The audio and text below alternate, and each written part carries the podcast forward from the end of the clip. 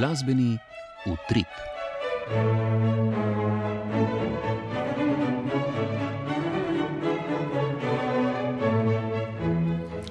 Spoštovani, lepo pozdravljeni. Najprej začenjamo s pregledom dogodkov prejšnjega tedna. Bili smo na koncertu Placida Dominga z dvema sopranistkama na festivalu Ljubljana, na treh izbranih koncertih iz cikla Solo Eda Kamera Ljubljanske akademije za glasbo in na recitalu pianista Nejca Kampleta. V drugem delu oddaje pa napovedujemo poletni festivalski utrip po državi. Festivalsko dogajanje bomo začeli s pregledom festivala Ljubljana, sledili bodo prispevki o festivalih Imago Slovenije, Radovlica, Sevik Brežice, Tartini in Evropa Cantat 2021, ki ga letos gostimo v Sloveniji. Mirta Berlan, Maja Mol in Dejan Jurovič vas vabimo v svojo družbo.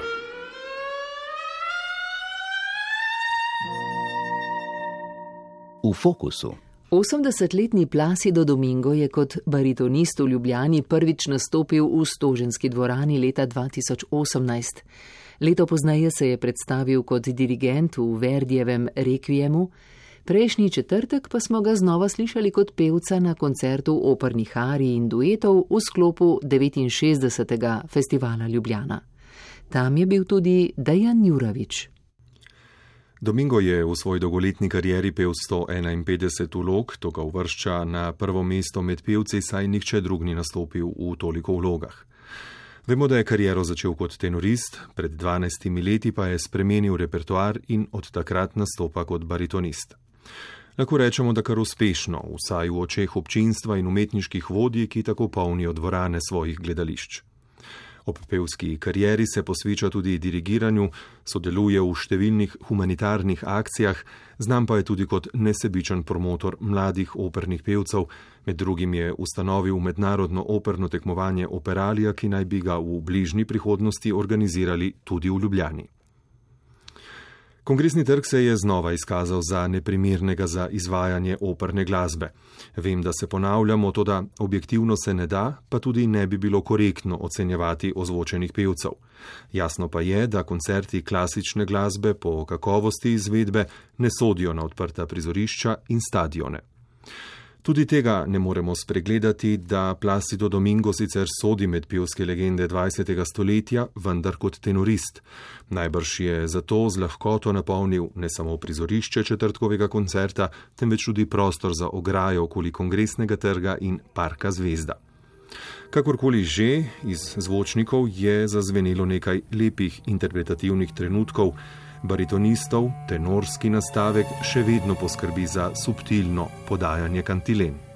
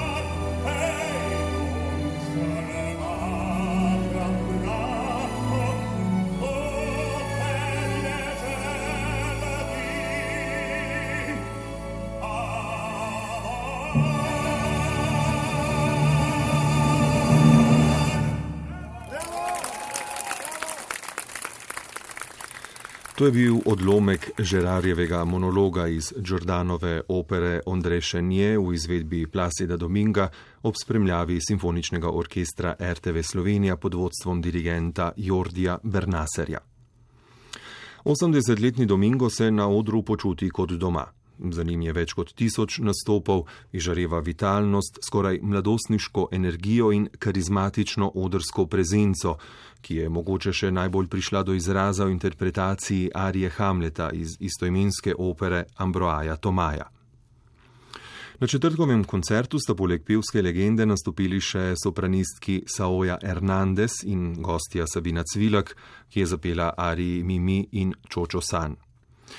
Španka Saoja Hernandez je prava dramska sopranistka in škoda, da je nismo slišali v akustično primernejšem prostoru. Njen glas je gibčen, višine nekoliko stisnjene, spodnji register pa izjemno podprt, kar je nažalost redkost pri današnjih pevcih. Poslušajmo jo v odlomku Arije Magdalene iz Jordanove opere Ondrešenje.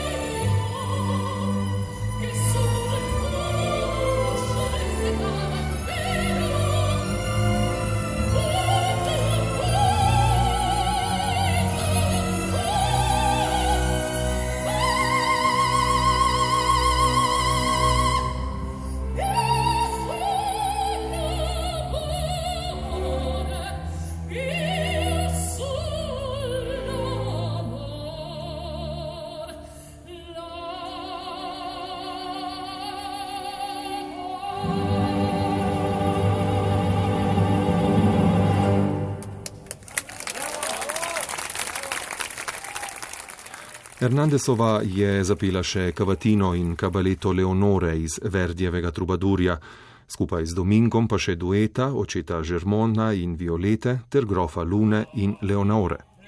Standardni repertoar takšnih dogodkov, ki pa se je pri nas končal s stoječimi ovacijami in številnimi uskliki odobravanja.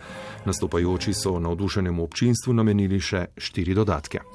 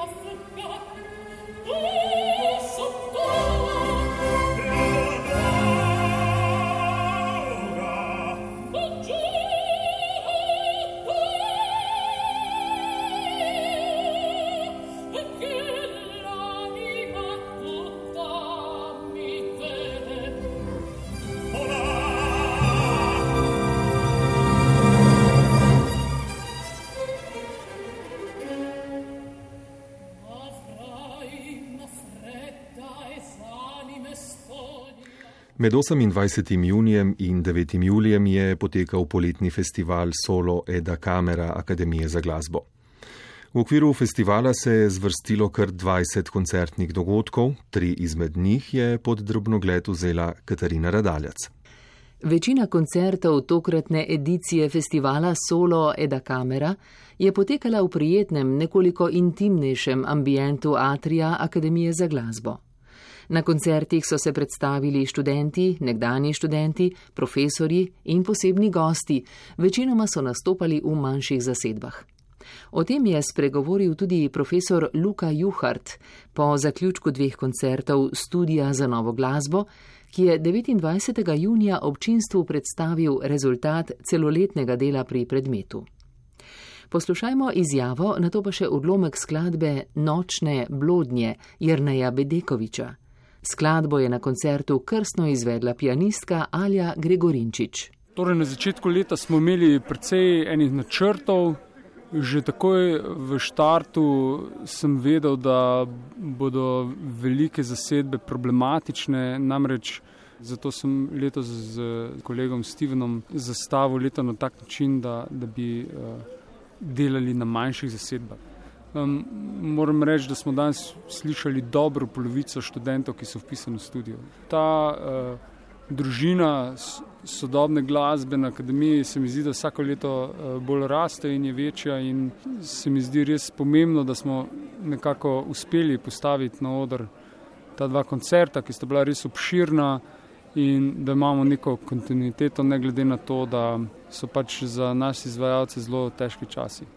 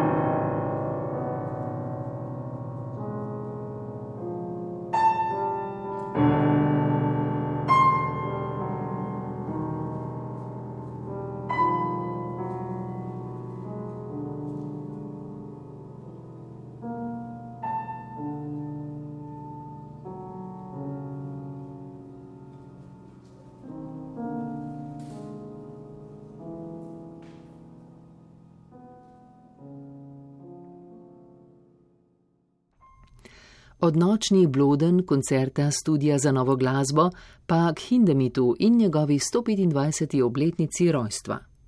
V počastitev skladateljevega dela je saksofonist Miha Rogina skupaj s svojimi kolegi iz Akademije za glasbo pripravil vsebinsko zanimiv in zaokrožen koncertni večer, kjer smo se lahko prepričali o visokem poustvarjalnem nivoju profesorjev Akademije za glasbo v Ljubljani v občutenih, premišljenih in angažiranih interpretacijah pianistke Sae Li, violistke Maje Rome, saksofonistov Mihe Rogine in Matjaža Drevenška ter violončelista Gala Faganela, je zazvenilo pet hindemitovih skladb.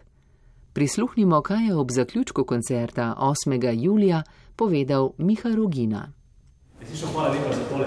Rad bi samo rekel dve besedi. Najprej ste opazili, da je koncert namenjen kot posvetilo Polu Hindemitu ob 125 letnici njegovega rojstva. 125 letnica njegovega rojstva je bila v bistvu lani 2020, ampak ker je zaradi znanih razlogov bil koncert predstavljen, tako rekoč eh, letos praznujemo 126 letnica. Eh, je pa bilo nekako uh, umeščeno v, ta kontekst, da je cel svet govoril o 250 letnici Beethovenovega rojstva in v bistvu ker je Hindemith ravno tako kot Beethoven mojster polifonije, veliko krat tudi v strokovnih krogih podcenjen skladatelj, naredil tekom svojega življenja ogromen opus, uh, si je nekako, uh, se nam je nekako konceptualno zdelo, da si zasluži nekoliko pozornosti tudi, tudi iz tega stališča. Tako saksofonist Miha Rogina. Violistka Maja Rome in pianistka Sae Li sta na omenjenem koncertu prepričljivo izvedli tehnično in interpretacijsko zahtevno Hindemitovo sonato za violo in klavir v F-duru številka 4 opus 11. Prisluhnimo odlomku skladbe.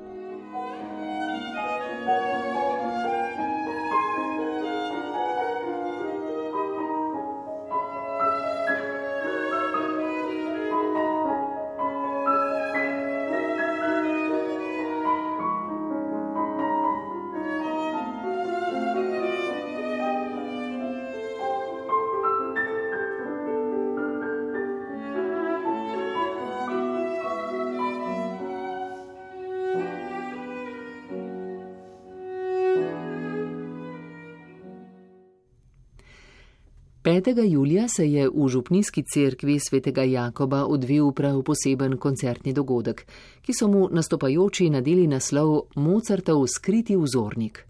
Umetniški vodja Dalibor Miklavčič nam je po koncertu razkril pomen tega naslova in spregovoril o globini celotnega projekta, predvsem pa nas je navdušil v vlogi solista na orglah in historičnem klavirju. V prvem delu koncerta so zvenele Mozartove duhovne sonate, v drugem pa smo bili priča svetovni premjeri del Johana Samuela Šreterja, ki so jih nastopajoči izvedli občuteno in zanosom.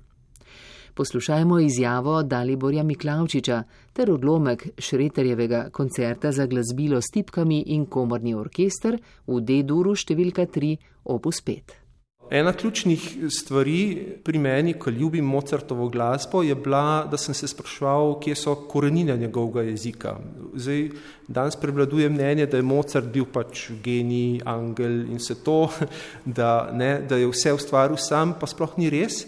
Eh, dejansko je Mozart eh, dialekt glasbeni, ki ga je uporabljal, asimiliral od mnogih drugih mojstrov. Zdaj, medtem ko za nekatere zelo dobro vemo, kateri so bili, je pa ta Johann Samuel Schröter eh, popolnoma neopažen in neznan. Jaz sem pa v raziskavah pač lahko dokazal, čist kronološko se vidi, da je Mozart določene njegove dobre ideje si sposodil in jih nadgradil, obdelal. In eh, Schröter sam je gotovo skladatelj, ki se bo zdaj uveljavil tudi. To je mnenje, ki se je zdaj nekako etabliral v, v naši srednji pianistov, in muzikologov, da so ta boljši koncerti od Schröterja, ki so bili do danes nepoznani in smo jih danes v Sloveniji premjerno, torej svetovno premjero izvedli, se lahko merijo z Mozartovimi in nekaterimi, absolutno.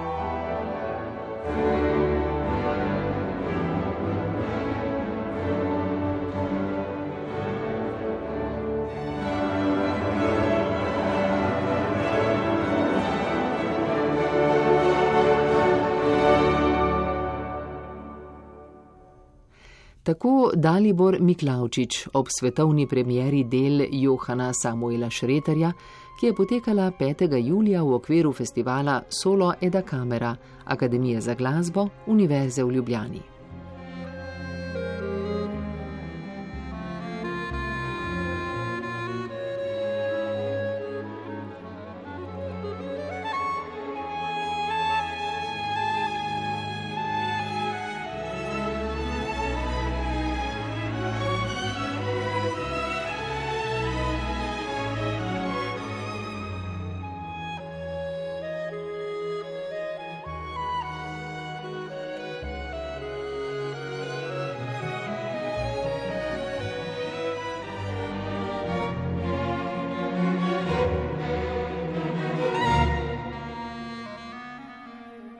Gradu Rače pri Mariboru se je z recitalom pianista Nejca Kampleta končal letošnji cikl komornih koncertov, ki jih že 20 let pripravlja Kud Rače. Več pa v prispevku Urške Čop-Šmajgert.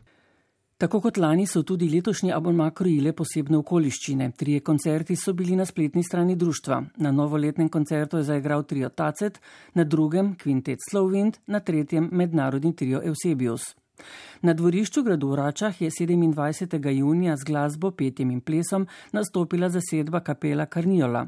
V belo dvorano gradu v Račah se je po desetih letih znova vrnil pianist Nec Kamplet. Ob jubileju spregovoril predsednik kulturno-umetniškega društva Rače Tone Žuraj. Ob 20-letnici lahko rečemo to, da smo v teh 20 let organizirali čez 80 koncertov različnih solistov, solist, domačih, tujih, zelo znanih nekaterih ansamblov. Teh 20 letih smo si pridobili publiko, kaj je bilo zelo težko, ker prej v tem našem okolju takšnih vsebin ni bilo, ampak smo s tem dodali še neko dodano vrednost, da smo zgrajevali širšo kulturno okolje v kraju. Za uspeha Bonmaja je najbolj pomembna izbira programov. Izbor sporeda je bil vedno prioriteta, zaradi tega, da ponudimo poslušalcem čim širši pogled v glasbo, od stare srednje veške do tisto, kar se pravkar ustvarja.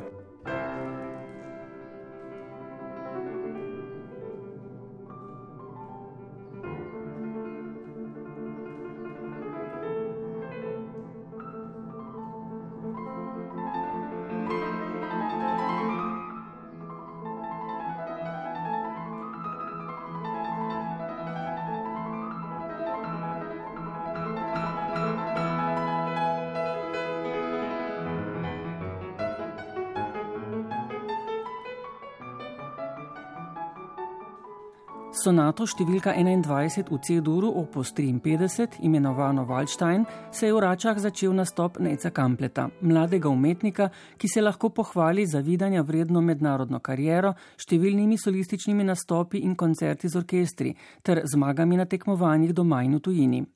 Odlikujejo ga izjemna tehnika, subtilno podajanje in izrazna poetika, ki jo kaže v izbranih skladbah. Jaz sem izbral skladbe, vedno jih izbiram predvsem tiste, ki so mi najbolj pri srcu in gledam tudi malo na to, da prikažem čim širši izbor publiki, torej da se dotaknem različnih ustvarjalnih obdobij. V bistvu sem se osredotočil na skladbe, ki jih igram že zdaj nekaj časa in jih pripravljam tudi za razna tekmovanja, tako da je treba malo kombinirati z ostalimi dogodki in zahtevami in potrebami. Po Beethovnovi sonati sta zazveneli še virtuozni poloneza številka 6 v Asduru opus 53 Frederika Chopina in transcendentalna etida številka 11 v Desduru harmonije večera Franca Lista.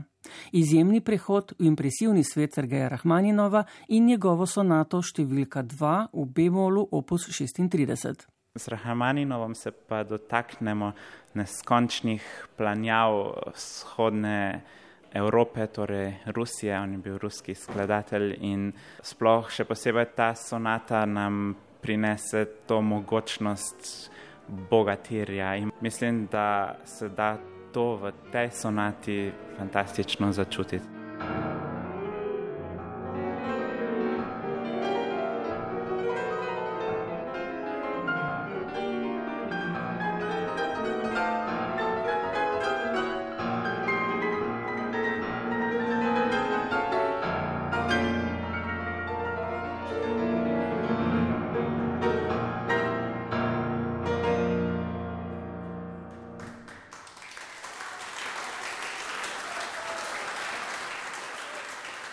Pianista Neca Kampleta po koncertu v Račah čaka nova preizkušnja. Med 15. augustom in 4. septembrom bo med več kot 70 udeleženci, zmagovalci tekmovanj, nastopil v Dubaju na drugem mednarodnem tekmovanju Classic Piano, ki ga pod okriljem Evropske unije pripravlja Evropska fundacija v podporo kulturi.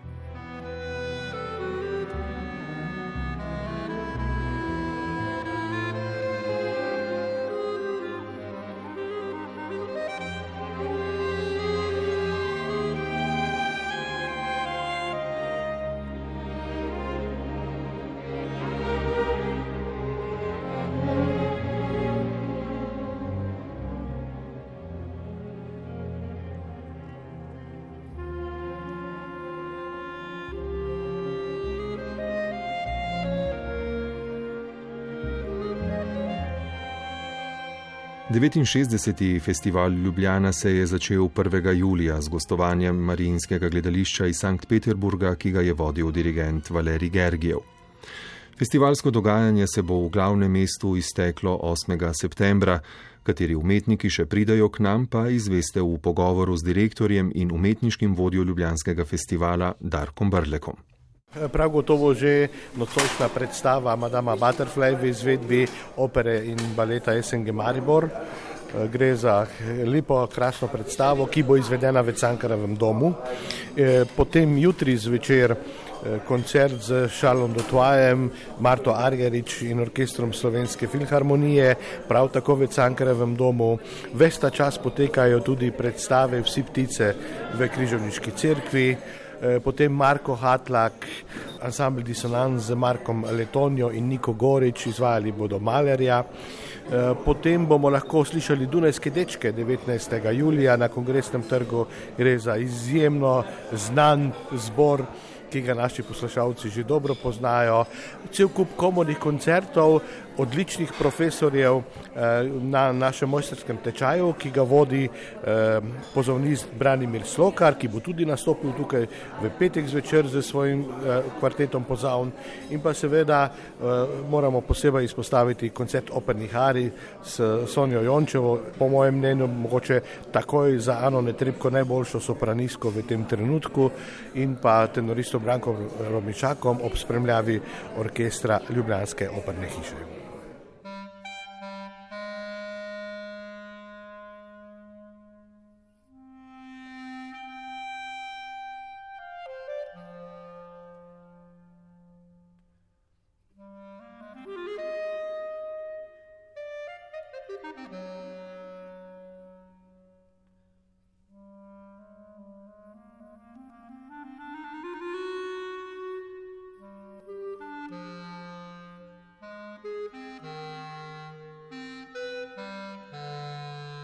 33. mednarodni festival Imago Slovenije se je sicer že začel v drugi polovici junija s slavnostnim gala koncertom ob stoletnici ansambla Mariborske opere. Do danes pa je festivalski program oblikovalo še osem koncertov. Preostanek programa festivala, ki bo letos trajal vse do 28. augusta, pa napoveduje koordinator projekta Jan Keren pripravljamo atraktiven in raznolik glasbeni izbor, od eh, klasične glasbe, predstavitve mladih talentov do džeza in etno glasbe. Letošnje poletje bo v znamenju mnogih različnih obletnic. Eh, pripravljamo koncert posvečen stoti obletnici, eh, stoti obletnici rojstva mojstra tanga Astrija Piacole, ki ga boste izvedla mednarodno priznana švicarska saksofonista slovenskih korenin Maja Listic Barroso in pa uh, argentinski bandoneonist, bandoneonist uh, ki tudi živi v Švici, Marcelo Nisman, ki namreč boste skozi koncertni program boste predstavlja zgodovinski razvoj tanga. Potem uh, na Ljubljanskem gradu pripravljamo en zanimiv uh, multimedijski projekt oziroma en gledališki koncert držaškega kvarteta Šakali, naslovom Komedija. S tem bomo v bistvu se poklonili letošnji 700. obletnici smrti velikega italijanskega pesnika Dante Alighieri. Eh, skupaj z Avstrijskim kulturnim forumom, s katerim že vrsto let uspešno sodelujemo, pripravljamo letos tri koncerte. Jaz bom mogoče izpostavil eh, koncert kvarteta oziroma Dunajskega kvarteta Onera, ki bo potekal tukaj v mestnem muzeju. Uh, oni se bodo za sklepnim delom večera se bodo poklonili letošnji 150. obletnici rojstva priznanega skladatelja Aleksandra von Zagorskega. Um, prav tako v mestnem muzeju bo potekal koncert ob 20 letnici delovanja slovensko-hrvaškega kvarteta Flaut Fossils na, oziroma v Narodni galeriji, uh, bo pa mogoče presluhati ansamblu kamerata Akademika Ljubljana. Posebej velja izpostaviti prvo vrstno zasedbo v Berlinu živečih glasbenikov, sicer članov najboljših evropskih orkestrov z težiščem na dunajskih oziroma berlinskih filharmonikih. To je berlinski pihalni oktet, s katerimi pripravljamo koncert tako v Ljubljani kot tudi v Iranu. Uh, obeta se pa tudi vrsta koncertov nadarjenih mladih glasbenikov, uh, že tradicionalni koncert zbranih nagrajencev letos jubilejnega 50. tekmovanja Temzik, uh, potem koncert na našo pobudo novo nastale komorne zasedbe prodornih mladih uh, kitarskih virtuozov štiri gitare, ki se bodo predstavili z lastnimi kompozicijami, tudi med drugim v mestnem muzeju. Prav tako. V bistvu večina koncertov je vsako leto v mestnem muzeju, kjer bo tudi ekstravaganten plesni koncert Suita Trois, uh, pri katerem gre za nevsakdanji preplet flamenka in baročne glasbe, torej v kombinaciji ples, kitara, čembalo, na čelu z našo uspešno plesalko in koreografinjo Anjo Mejač, ki, se, ki flamenko študira pri priznanih španskih mojstrih v Madridu. Uh, izpostavil bi pa še koncert mladega duha uspešnih glasbenikov mlajše generacije, saksofonista Jana Kričarja in Cineže Kožel, ki bosta izvedla posebej za njiju napisano noviteto Matije Krečiča. Uh, v okviru mednarodnega cikla Jazzova, ki bo potekal vse petke v juliju in augustu, bodo med drugim nastopili Milan Stanisavljevič kvintet z v bistvu prvo, prvo živo predstavitvijo nove zgoščenke Eastern Star, potem vzhajajoča mlada jazz vokalistka Ana Čop za novim projektom Neskončnosti. Um, eden izmed najuspešnejših slovenskih jazz ustvarjalcev Jure Bukar in pa mednarodno priznana zasedba Zizi Kvartet na čelu z uh, priznanim italijanskim harmonikarjem Simonom Cankinjem. Uh, komo tako kot vsako leto, tudi letos uh, s koncertno, se zapletno koncertno sezono zaključili z tridnevnim festivalom etno in jazz glasbe na čipu Stari Ljubljani. Ta bo od 26. do 28. augusta.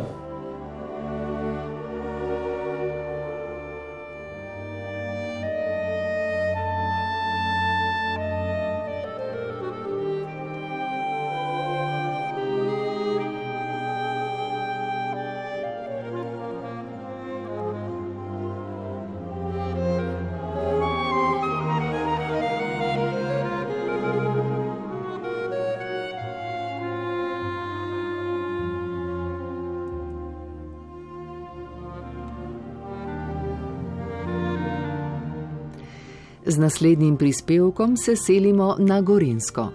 Glasbeno podobo 39. festivala Radovlica sestavlja deset koncertov z glasbo od 9. do 19. stoletja. Sporedi pa bodo posvečeni Bahu, Bukstehudeju, Dowlandu, Difaju, Telemanu in Salomonu Rosiju. Za še nekaj povdarkov smo v Nemčijo poklicali Domna Marinčiča, umetniškega vodjo festivala. V prvi polovici festivala imamo kar nekaj nekoliko večjih zasedb. Že na otvoritvenem koncertu bo nastopil znani italijanski ansambl Sonatori della Gioiosa Marka v sedemčlanski zasedbi in z beneško glasbo 17. in 18. stoletja. Potem naslednji koncert bo kar z 12 izvajalci in sicer bodo na njem zazveneli Bahovi koncerti za orgle in godala, ki jih je rekonstruiral solist orglavec Bart Jakobs. Potem pa tretji koncert pa bo posvečen slovenski glasbeni dediščini, tisti glasbi, ki jo je, se pravi, instrumentalni glasbi. Tokrat po štirih letih, na, na katerih smo poslušali vokalno glasbo za ljubljanskega škofa Tomaža Hrena, bomo tokrat poslušali instrumentalno glasbo iz italijanskih in nemških tiskov, ki so jo takrat hranili v arhivu Ljubljanske stolnice. Na festivalu je še en koncert, ki je v celoti posvečen slovenski glasbeni dediščini oziroma glasbi vsaj nekoliko povezani s Slovenijo. In sicer to je koncert v četrtek 19. augusta.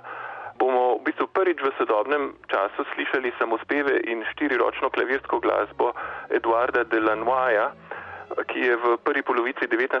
stoletja živel v Gradcu, tudi na Dunaju. Bil je pa tudi lastnik dvorca Viltuš pri Mariboru. Ta dvorec je kupil že njegov oče, družina je bila iz Belgije. No, že lani smo slišali en Lanoyev trio, godalni trio, letos pa samospeve s sopranistka Anno Terterian in pianistom Mikajlom Baljanom, pridružila se bo, bo še ruska pianistka Aleksandra Kamenskaja. Letos je nekoliko več baročne glasbe, imamo tudi renesančno polifonijo, renesančno glasbo za lutnjo in pa seveda na koncu festivala apokaliptične podobe iz 9. do 11. stoletja.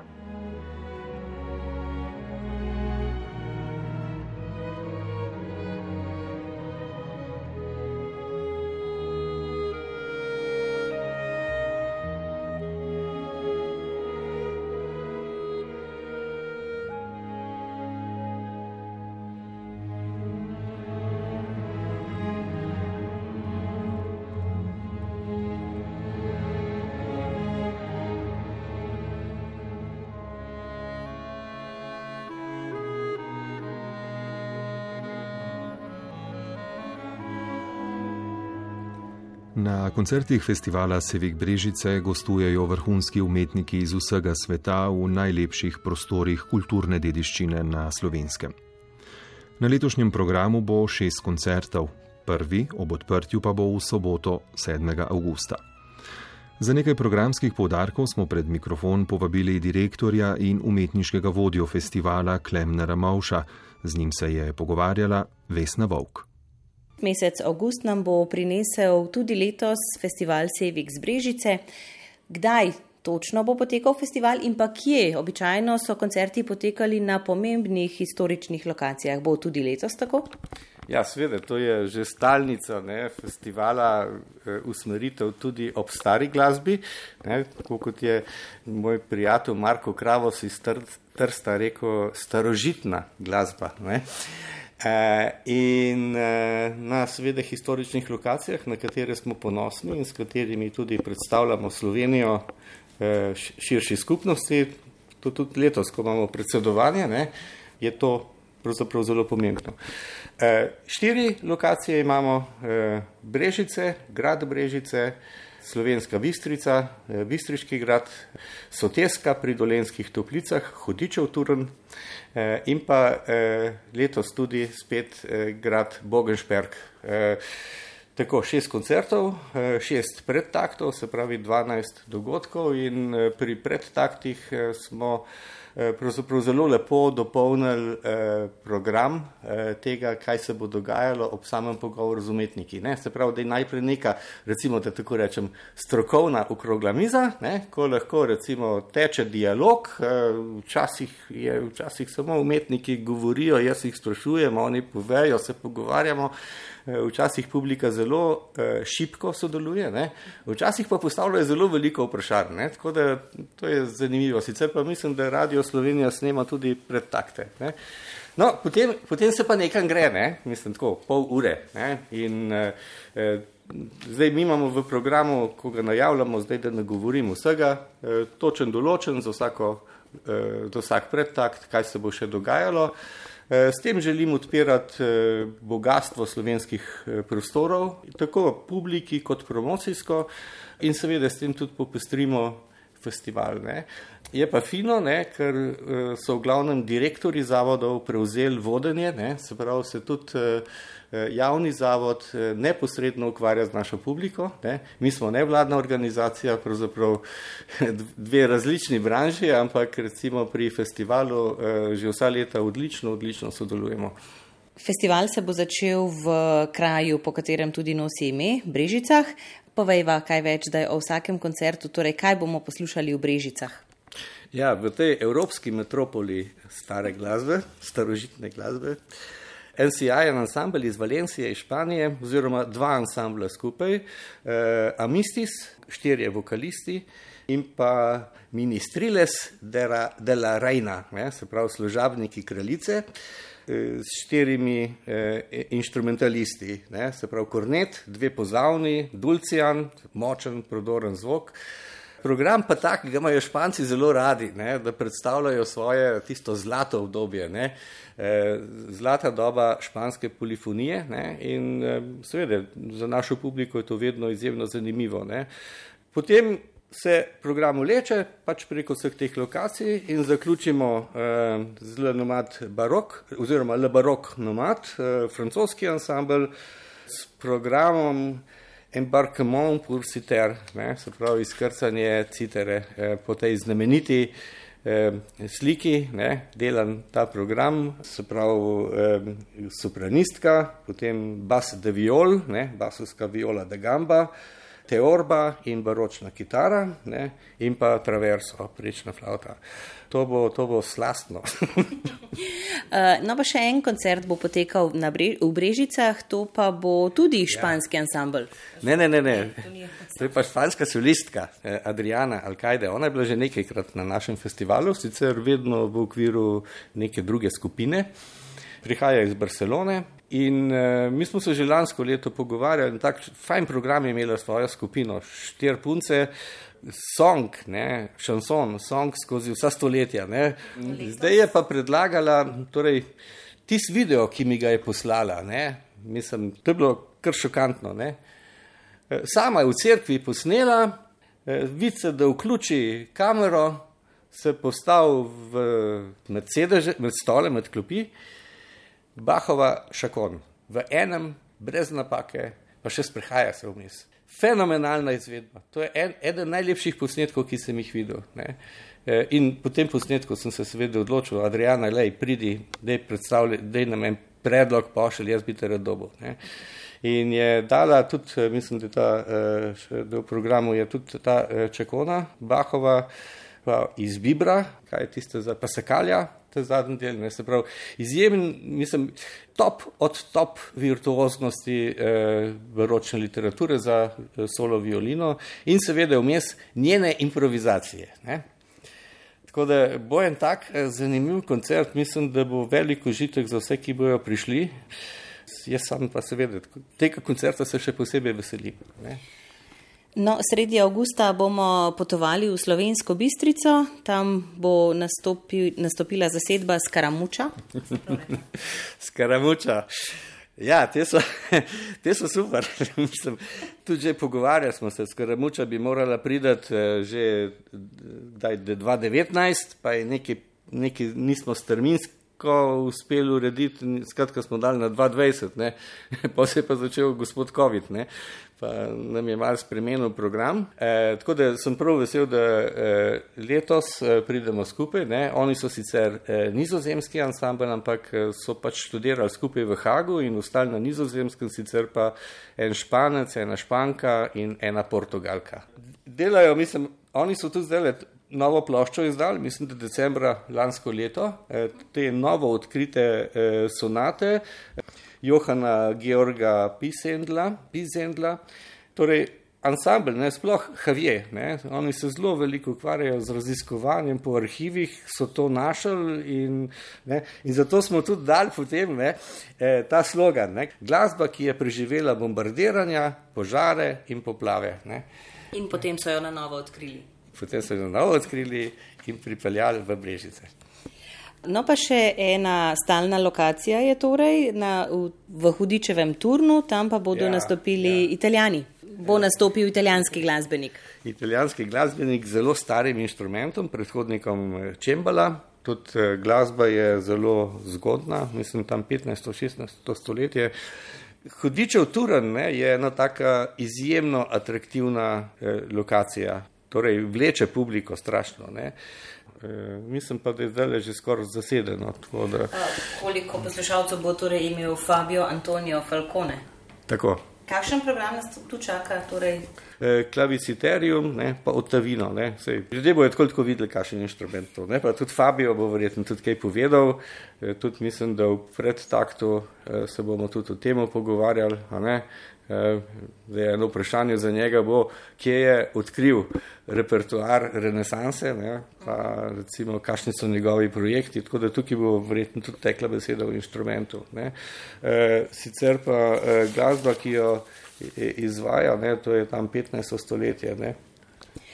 Uh, še antiko 1480, eh, potem Kavaconi 1490, no, v bistvu začetek 16. stoletja. Ne. To je tako, mladi trubar ne, je poslušal zrele njegove skladatelje. Ne. Uh, še zadnjo zasedbo jo moramo omeniti, še en nizozemski ansambl, ta pa bo nastopil na gradu Bogenšperk, Butter Quartet. Butter Quartet, ja, tudi zelo mednaroden, eh, nizozemci, kanačani. Je pa to eh, program, ki ga dajemo v okviru projekta Emerging Plus, nudimo jim rezidenco, oni nam dajo en koncert. Eh, eh, imam pa sicer jih osebno ne poznam, ampak eh, kako zgleda kontakt, ne, izjemno profesionalno. Ne. To, bo, to bo sjajen koncert in se prav veselim, no, da smo dali tudi na Bogenšperk letos še en dogodek. Uh, no, omenila sva zdaj že vse lokacije, vse koncerte. Občinstvo, še kakšna beseda za občinstvo? Torej, mesta se že polnijo, kako lahko še rezervirajo vstopnice, ki je še lahko kakšno podrobnost izvejo o programu, ki so jo mogoče zdaj preslišali? Torej, na naši spletni strani, ne, Sevix Brežice ali pa če date not festival Brežice ali pa stara glasba, se vam bo odprla naša spletna stran. Tam so vsi podatki, ne. sicer je pa tako, ne, ravno zaradi tega, ker je še zmeri zahtevana distanca med obiskovalci, ne, mi ne vemo čistočen, kako bojo pozicionirani sedeži, koliko jih bo lahko skupaj, koliko jih bo lahko narazen. Točna postavitev stolov, ne, sedežev se pravzaprav dela eh, tik pred koncertom. Obiskovalci ne dobijo vstopnic, dobijo samo voucherje in potem se te voucherje zamenja na tik pred koncertom pač v, v informacijo, kje kdo sedi, ne, ker je vsak sedež številčen.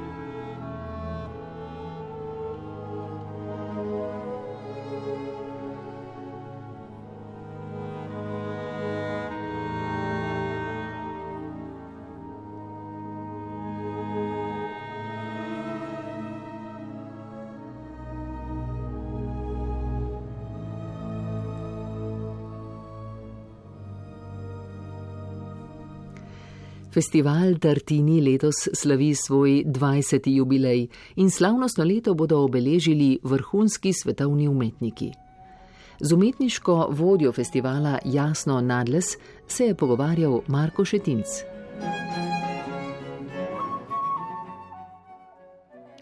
Festival Tartini je mednarodni poletni festival komorne glasbe, posvečen Piranu, rojenemu Giuseppeju Tartiniju. Poleg glasbe Tartinija in njegovih sodobnikov se festival posveča tudi glasbi 19. in 20. stoletja, na koncertih pa se zvrstijo najboljši interpreti. Zgodbo o festivalu sta leta 2002 prvič udejanjila Jasna Nadles, zdajšnja umetniška vodja, in Milan Versajkov, programski vodja festivala. In tako bo festival letos doživel že 20. edicijo. Več Jasna Nadles. Zelo smo ponosni, da obeležujemo tako visok jubilej, saj 20 let festivala ni majhna doba. V 20 letih smo pripeljali ogromno število vrhunskih glasbenikov v Piran in Slovenijo in upamo, da bo festival razveseljeval obiskovalce vsaj še nadaljnih 20 let. Program festivala Tartini se letos s koncerti z domačimi in tujimi izvajalci razprostira med 21. augustom in 9. septembrom na koncertnih lokacijah v Piranu, Kopru in v Ljubljani.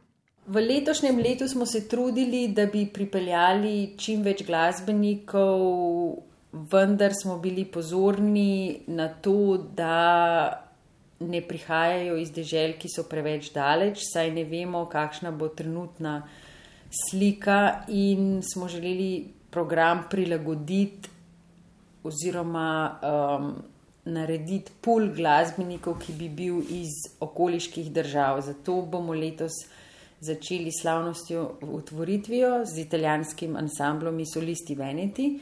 Zato smo se odločili, ker imamo dolgoletno mednarodno povezavo med Padovo in Piranom. In solisti Veneti imajo ravno tako festival, ki je posvečen Tartiniju, in zato se nam je zdelo pomembno, da ob taki obletnici obeležimo koncert uh, z tem mednarodnim sodelovanjem. Potem nadaljujemo 23. augusta z ansamblom Europeo Baroko, 27. augustom novi komorni orkester Ferruccio Bozoni festivalski ansambl Il Terzo Suono, ki že 15 let razveseljuje obiskovalce, se bo predstavil s svojo lastno produkcijo 28. augusta. 31. augusta imamo ansambl Frequence Diverse. Potem imamo tukaj tudi dva koncerta Tartini Junior, saj za nas kot festival je zelo, zelo pomembno, da tudi vzgajamo mlajše generacije in dajemo priložnost mladim glasbenikom, posebej tistim, ki se ukvarjajo s historičnimi inštrumenti, da se lahko predstavijo tudi na našem festivalu in ti koncerti se vsako leto dogajajo v Kopru. Potem imamo tukaj 3. septembra ansambl Sergio Gađa, 6. Eh, septembra, to je koncert, ki bi ga posebej izpostavila, se bo predstavil Konc Duo.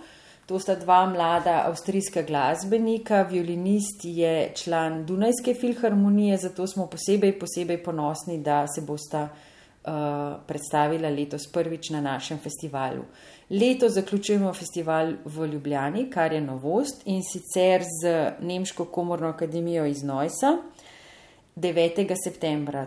To je koncert, ki ga bomo priredili skupaj z nemškim veleposlaništvom ob predsedovanju Slovenije Evropski komisiji. Tako da mislim, da smo pripravili obilo vrhunskih koncertov in se veselimo letošnjega skupnega praznovanja. Festival Tartin je v dveh desetletjih delovanja spletel številne povezave in poznanstva z domačimi in tujimi turističnimi, kulturnimi in medijskimi inštitucijami, kar kaže na velik odmev delovanja festivala Tartini doma in v tujini. Kot vsako leto, tudi letos je festival podprt s strani Ministrstva za kulturo.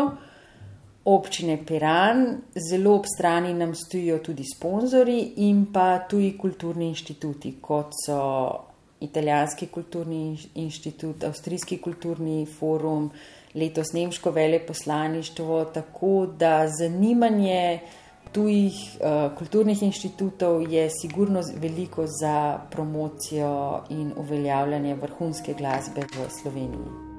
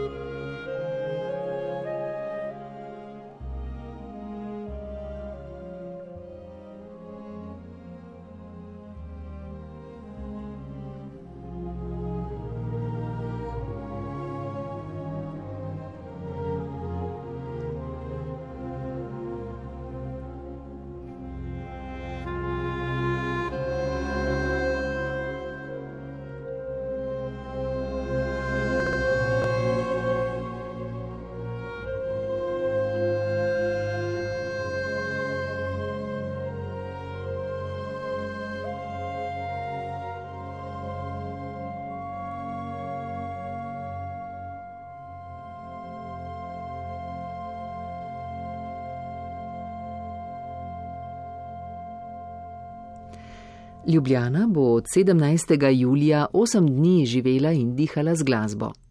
Začenja se namreč zborovski festival Europa Cantat 2021, ki ga letos gosti Slovenija. Na različnih lokacijah v Ljubljani, zaradi pandemije tudi na spletu, se bo zvrstilo več kot 100 glavnih dogodkov z raznovrstnim spremljevalnim programom.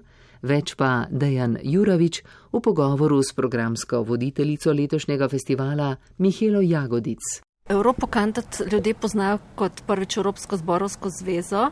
Evropa Kantat festival je pa največji dogodek te zveze, eh, ki poteka že 30 let, vsaka tri leta v drugem mestu, se pravi, da letos praznujemo okroglo obletnico. Gre za festival, ki je namenjen pevcem, dirigentom, glasbenim pedagogom, vsem, ki se kakorkoli ukvarjajo s skupnim petjem ali pa skupinskim petjem. Mi pri nas poznamo to kot zborovsko petje, ampak to obsega še veliko več. To so vse možne skupinice, ki izvajajo pevsko dejavnost in uh, zdaj se bolj sodobno že kar reče uh, skupinsko petje. Leta 2017 eh, ste začeli s pripravami na letošnji festival, ki ga gostimo v Sloveniji. V kolikšni meri se prvotni program oziroma načrti razlikujejo od končnega? Zelo. Moram reči, da je program vedno narejen po licenci ki vsebuje programsko neke tri stebre. In en stebr so izobraževanja, tako imenovane delavnice za pevce, kjer se učijo glasbe različnih stilov pod vodstvom res svetovno znanih dirigentov. Drugi stebr so koncerti, udeležencev ali pa gostujočih vrhunskih zasedb. Tretji stebr so pa neki projekti, ki prinašajo neke nove vsebine, nove povezave zborovske glasbe z drugimi področji. Najhujši trenutek pri organizaciji je dejansko bil, ko smo mogli odpovedati vse udeležence, vse pevce, ki so si želeli priti v Ljubljano prepevati in za sebe in tudi za vse, ki bi prišli na te koncerte. To je bilo res težko. Eh, ohranili smo koncerte gostujočih skupin in pa ohranili smo nekaj koncertov slovenskih zborov, ki so nekako preživeli to uh, situacijo leto, leta dni brez petja, ko so brez kondicije uh, in brez neke prave pevske forme bili pripravljeni se vršiti v to, da v mesecu dni naredijo vse, kar je možno in še več, zato da lahko predstavijo slovensko glasbo na tem festivalu to so Dekliški zbor Škofijske klasične gimnazije Ljubljana, komorni zbor Megaron, komorni zbor Konzervatorija za glasbo in balet, mešani uh, zbor uh, svetega Nikolaja iz Litije in pa Perpetuum Jazzle, za kar smo jim res izjemno hvaležni. Zelo nam je žal, da tukaj nismo mogli pokazati še kaj, recimo posebnega projekta uh, Sing and Skate, kjer bi um, na živo izvajano zborovsko glasbo umetnostni drsavci pripravljali svoje koreografije. To bi bila tudi prva, prva taka na svetu. Nekaj takih idej smo imeli, ki žal se niso išle, pa upamo, da bo še kdaj prilika, da jih pokažemo. Vse te programe smo zdaj eh, strnili uh, v dve možnosti ogleda in sicer koncerte v živo ali pa izobraževalni program na tako imenovani Evropa Kanta televiziji. Omenili ste eh, slovenske zbore, na festival pa bodo prišle tudi znane mednarodne zasedbe. Katere so to? Torej, prihajajo zasedbe zelo različnih slogov, kar je eh, namen, da, da prikažemo stvari, ki pri nas mogoče še, ali še niso tako razvite, ali pa so na izredno visokem nivoju. So vokalna pop skupina, pop jazz skupina Postir z Danske, Barbershop Quartet Ringmasters iz Švedske in pa nemški Sextet Singapur, vokalna skupina, ki izvaja klasično glasbo. Pač omenila sva oziroma omenili ste tuje zasedbe, eh, vokalne skupine, ki pridajo k nam eh, gostovati. Kaj pa dirigenti oziroma pevski pedagogi, ki bodo sodelovali na delavnicah oziroma bodo vodili te glasbene skupine, ki pridajo k nam? Ja, v živo imamo zdaj tri gostujoče aktivne dirigente in sicer Marisa Sirmajsa iz Latvije, zelo, zelo uh, znanega dirigenta njihovega državnega zbora tudi. Potem imamo Gerija Gredna Švedske in pa Jozepa Vila Španije. Potem imamo pa še dva tuja dirigenta, Irko Berni Sherlock in pa izredno talentiranega mladega izraelsko-nemškega dirigenta Juvala eh, Weinberga.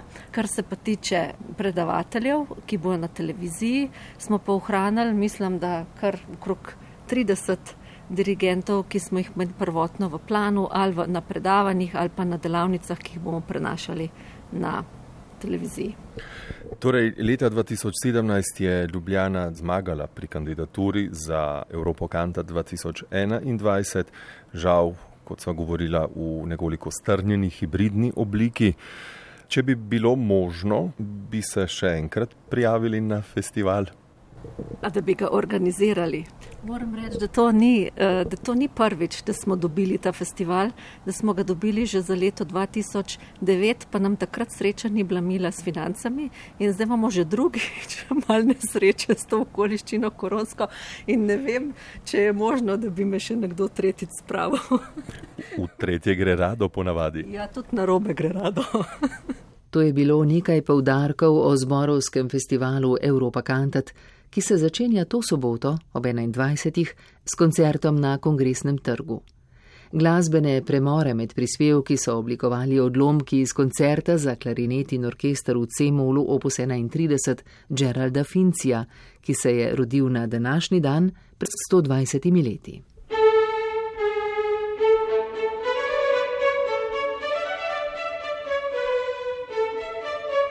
S pregledom nekaterih kulturnih dogodkov in napovedjo poletnega festivalskega utripa po državi se je končala današnja oddaja. Blaž Kumše, Mirta Berlan, Maja Mol in Dejan Juravič se zahvaljujemo za pozornost. Glasbenega utripa poleti ne bo na sporedu, 25. augusta pa boste spet lepo vabljeni v našo družbo.